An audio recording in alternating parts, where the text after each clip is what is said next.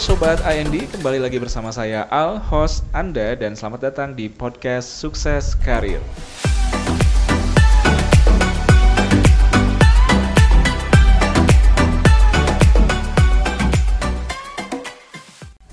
Mengawali tahun baru itu biasanya kan kita punya resolusi ya. Nah, gimana nih dengan resolusi teman-teman di tahun kemarin? Apakah sudah banyak yang tercapai atau mungkin banyak yang belum kesampaian ya? Nah, kali ini kita akan bahas tentang resolusi. Gimana sih cara buat resolusi yang bagus itu? Kemudian gimana caranya atau strateginya supaya kita bisa mencapai resolusi yang sudah kita buat. Bersama dengan Pak Andreas Simawanto, CEO dari IND Learning and Coaching. Dan kita akan sapa dulu. Halo Pak Andreas. Halo, selamat sore Sobat AND. Iya, gimana nih kabarnya Pak Andreas hari ini? Iya, luar biasa ya. Jadi hari ini sudah melewati hari ke 8 ya di tahun 2021 gitu Betul ya. sekali. Ya banyak hal luar biasa lah menurut saya. Ini setahun ini gimana nih kesannya Pak Andreas kurang lebih?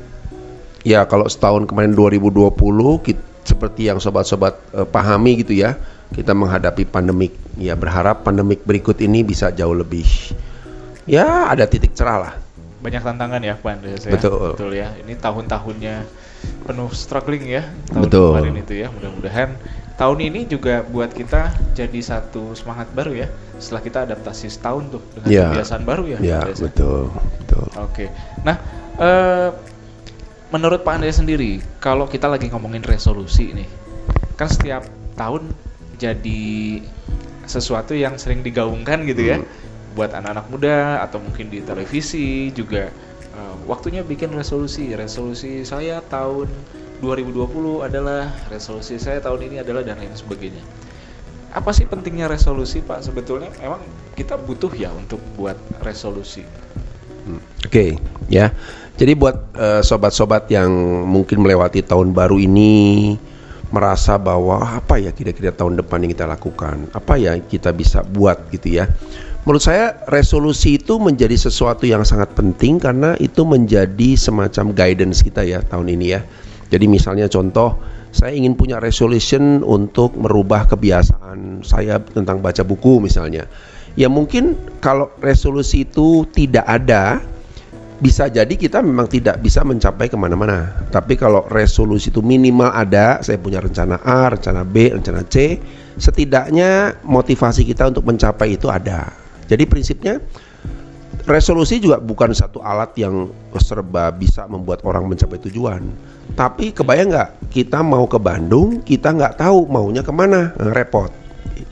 Jadi semacam goals atau impian ya yang Ya yang yang perlu dicapai gitu ya. Cuma eh, kok resolusi itu juga bisa gagal gitu loh Pak. Hmm. Karena kalau saya bikin resolusi eh saya pengen ini, pengen itu, saya list gitu ya. Kayaknya wah ini banyak yang pengen saya capai nih di tahun ini. Cuma kalau dievaluasi lagi kok kayaknya cuma satu ya. Kenapa sebuah resolusi itu bisa gagal gitu, Pak Andreas? Oke. Nah, saya melihat banyak sekali hal yang bisa membuat resolusi itu tidak bisa kita capai. Ya bahkan belum sampai akhir tahun pun udah rontok gitu ya. Yang pertama yang menjadi kendala adalah kita tidak punya target yang kuat, harus punya strong. Target yang secara emosional harus kita tanam di kepala kita. Itu kadang-kadang orang cuman ya sudah gua yang penting mau olahraga, cuman gitu aja. Tapi nggak pernah terobsesi untuk gimana olahraganya gimana ya. Misalnya kita pasang foto binaragawan, kita foto, pasang foto body transformation dan lain sebagainya. Kita mulai belajar untuk oh, benar-benar ngeliat seperti apa sih kalau orang sehat itu dan lain sebagainya. Kadang-kadang nggak ada kekuatan di situ. Itu satu. Yang kedua, resolusi gagal itu karena kita nggak belajar konsisten. Bisa banyak fokus tiba-tiba muncul di tengah jalan gitu ya. Jadi kayak kita kalau eh, belanja ke mall, wah udah niat nih belanja beli sepatu. Eh sebelum sampai toko sepatu ada es krim beli dulu. Eh lewat lagi, Wih, ini kelihatannya ada baju nih. Eh ada tas. Nah itu biasanya juga membuat kita nggak fokus pada target kita mau ke mana. Gitu kira-kira. Jadi perlu ada semacam strong why ya. Iya. Alasan yang kuat kenapa harus Nah, betul. mencapai itu. Dan alasannya kalau menurut saya harus agak hidup mati. Jadi bukan alasan yang ah sudahlah kalau nggak kebeli atau nggak tercapai ya sudahlah. Harus kalau ini nggak tercapai, gue mati nih. Nah biasanya gitu yang lebih kuat tuh, strongnya ada. Betul betul betul. Sehingga ya biasanya kan orang manusia terdorong juga sama fear-nya ya. Mm-mm, Rasa betul. takutnya itu yang gonggongin dia kalau enggak Iya. gua gigit loh gitu. dia harus lari Iya, kan gitu ya. betul. Gitu. Betul. Oke, oke. Nah, jadi eh, resolusi yang disebut resolusi yang bagus itu berarti punya strong why yang kuat. Hmm, betul. Hidup mati buat dia kalau Iya. nggak dapat Mati. Bahaya. bahaya. Oh iya bahaya. Ya. betul. Eh, artinya kalau tidak sampai seperti itu tidak layak jadi resolusi gimana pak? Iya kebanyakan sih seperti itu. Artinya resolusi juga tidak didasarkan oleh ada why dulu ya. Kadang-kadang tempel dulu tuh. Saya pengen punya sesuatu. Itu aja bisa jadi nanti pada saat di tengah-tengah ketika kita menghadapi satu situasi baru muncul why-nya. Wah bener juga ya.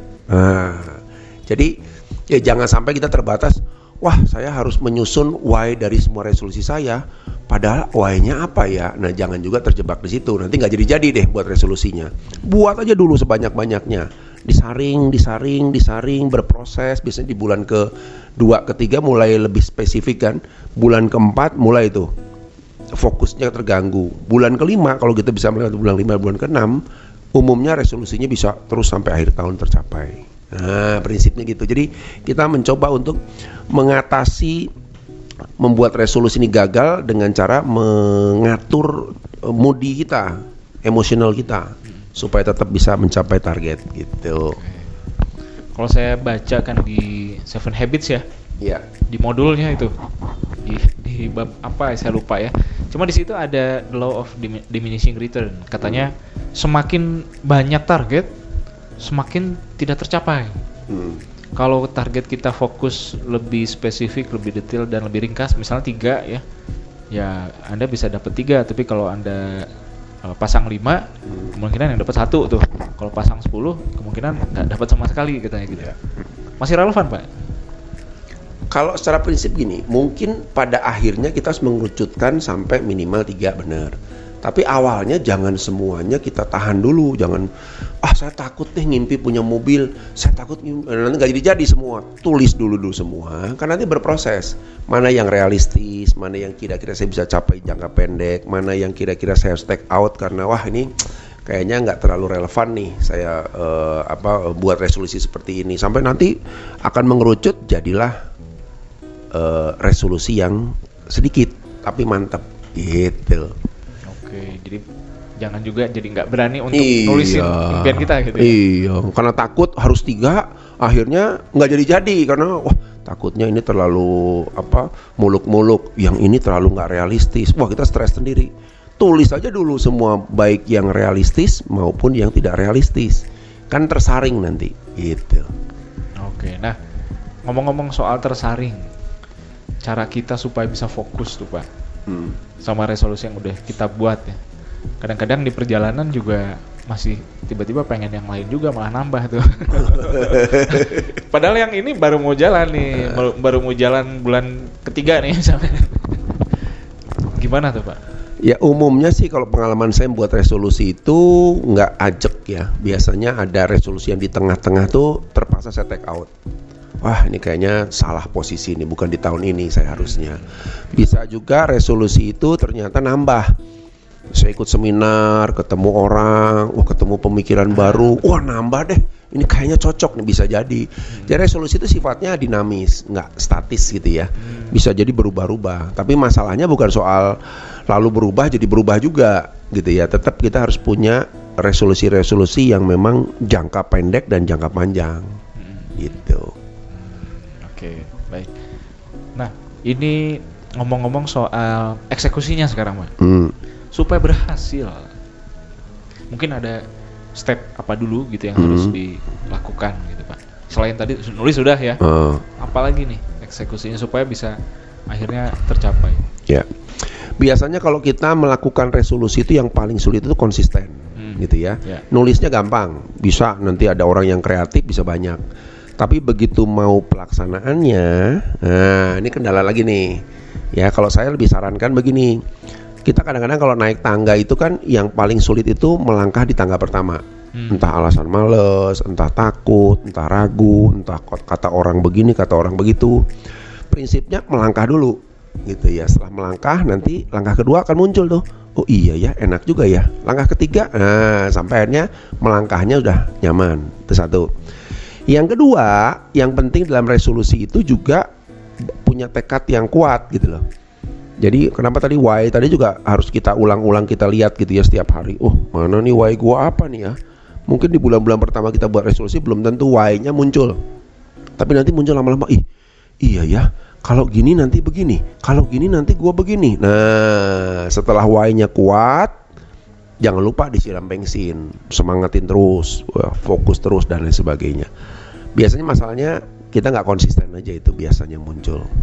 Artinya juga perlu dukungan ya dari orang-orang Oh sekitar sangat, ya. sangat itu. Ngingetin, ngejagain semangatnya. Betul. Kadang-kadang lagi lupa mungkin sama Iya. apa yang dipengenin. Ayo Betul. lo ini kan kamu katanya akhir tahun pengen punya ini misalnya. Iya betul. Makanya resolusi itu bagusnya di ini ya, di announcement ke orang-orang, ke teman-teman dekat, ke keluarga. Gue punya mimpi ini loh ya. Nanti yang lain ingetin, gimana? Udah capek belum? Kan kadang-kadang rasa malu, rasa eh, kalau kita nggak mencapai itu nanti orang omongannya gimana juga jadi faktor motivasi gitu. Oke. Betul betul betul. Nah, kalau belum tercapai, Pak, Ya. Gimana cara evaluasinya? Kalau belum tercapai, ya artinya kita harus juga ngelihat dari semua sisi ya. Belum tercapai karena memang saya belum punya kesempatan, ada gitu ya. Misalnya contoh saya punya impian, misalnya mau baca buku yang banyak. Wah, tapi saya lihat sekarang eh, buku mahal nih, saya nggak bisa beli nih. Wah, bisa jadi juga kendala juga kan ya. Yang kedua bisa juga muncul karena males gitu kan ya. Karena males. Nah kalau yang ini agak repot nih ya. Kalau udah males ya susah juga gitu ya. Atau bisa muncul juga karena kita kehilangan fokus. Nah ini juga sama itu ya. Jadi kalau menurut saya petakan dulu tuh. Karena apa? Resolusi saya sampai setengah tahun ini kok nggak berhasil gitu. Gitu kira-kira. Ya. Jadi perlu juga tahu sebabnya ya. betul Kalau misalnya ternyata ya karena memang resource-nya belum belum Ada. memadai ya, Eh. belum ada. Mungkin ya resource-nya dulu ya. iya susah dulu ya. kalau kita mau beli sesuatu mimpi sesuatu tapi Kadang-kadang kan modal Eh, aja. eh, modalnya ada nggak kira-kira ya? Mencukupi nggak? Udah siap belum? Kalau belum siap juga susah juga. Hmm, Oke. Gitu. Oke sobat AND, jadi perlu kita punya impian, namun juga sangat penting untuk kita punya rencana ya. Iya betul. Jelas anak tangganya yang mesti dilalui apa Betul. saja atau apa dulu tuh yang Betul. perlu kita jalani. Nah dari situ kita bisa ngukur Hmm. kira-kira ini kita sudah progres sampai mana gitu ya. Jangan-jangan kita punya impian, tapi kita nggak bisa ngukur kita posisi lagi ada di mana nih. Iya. Gitu ya, itu penting banget untuk supaya kita bisa ukur setiap perjalanan kita menuju resolusi yang ingin kita capai. Oke, terima Iya, kasih Pak oke, Andreas atas sama-sama. inspirasinya nih sore ini. Bagus sekali. Nah, nanti kita akan ngobrol-ngobrol lagi tentang tema yang lebih menarik tentunya ya bersama dengan Pak Andreas Simawanto. Terima kasih sobat. Ah ini sampai ketemu lagi di podcast Sukses Karir. Bye bye.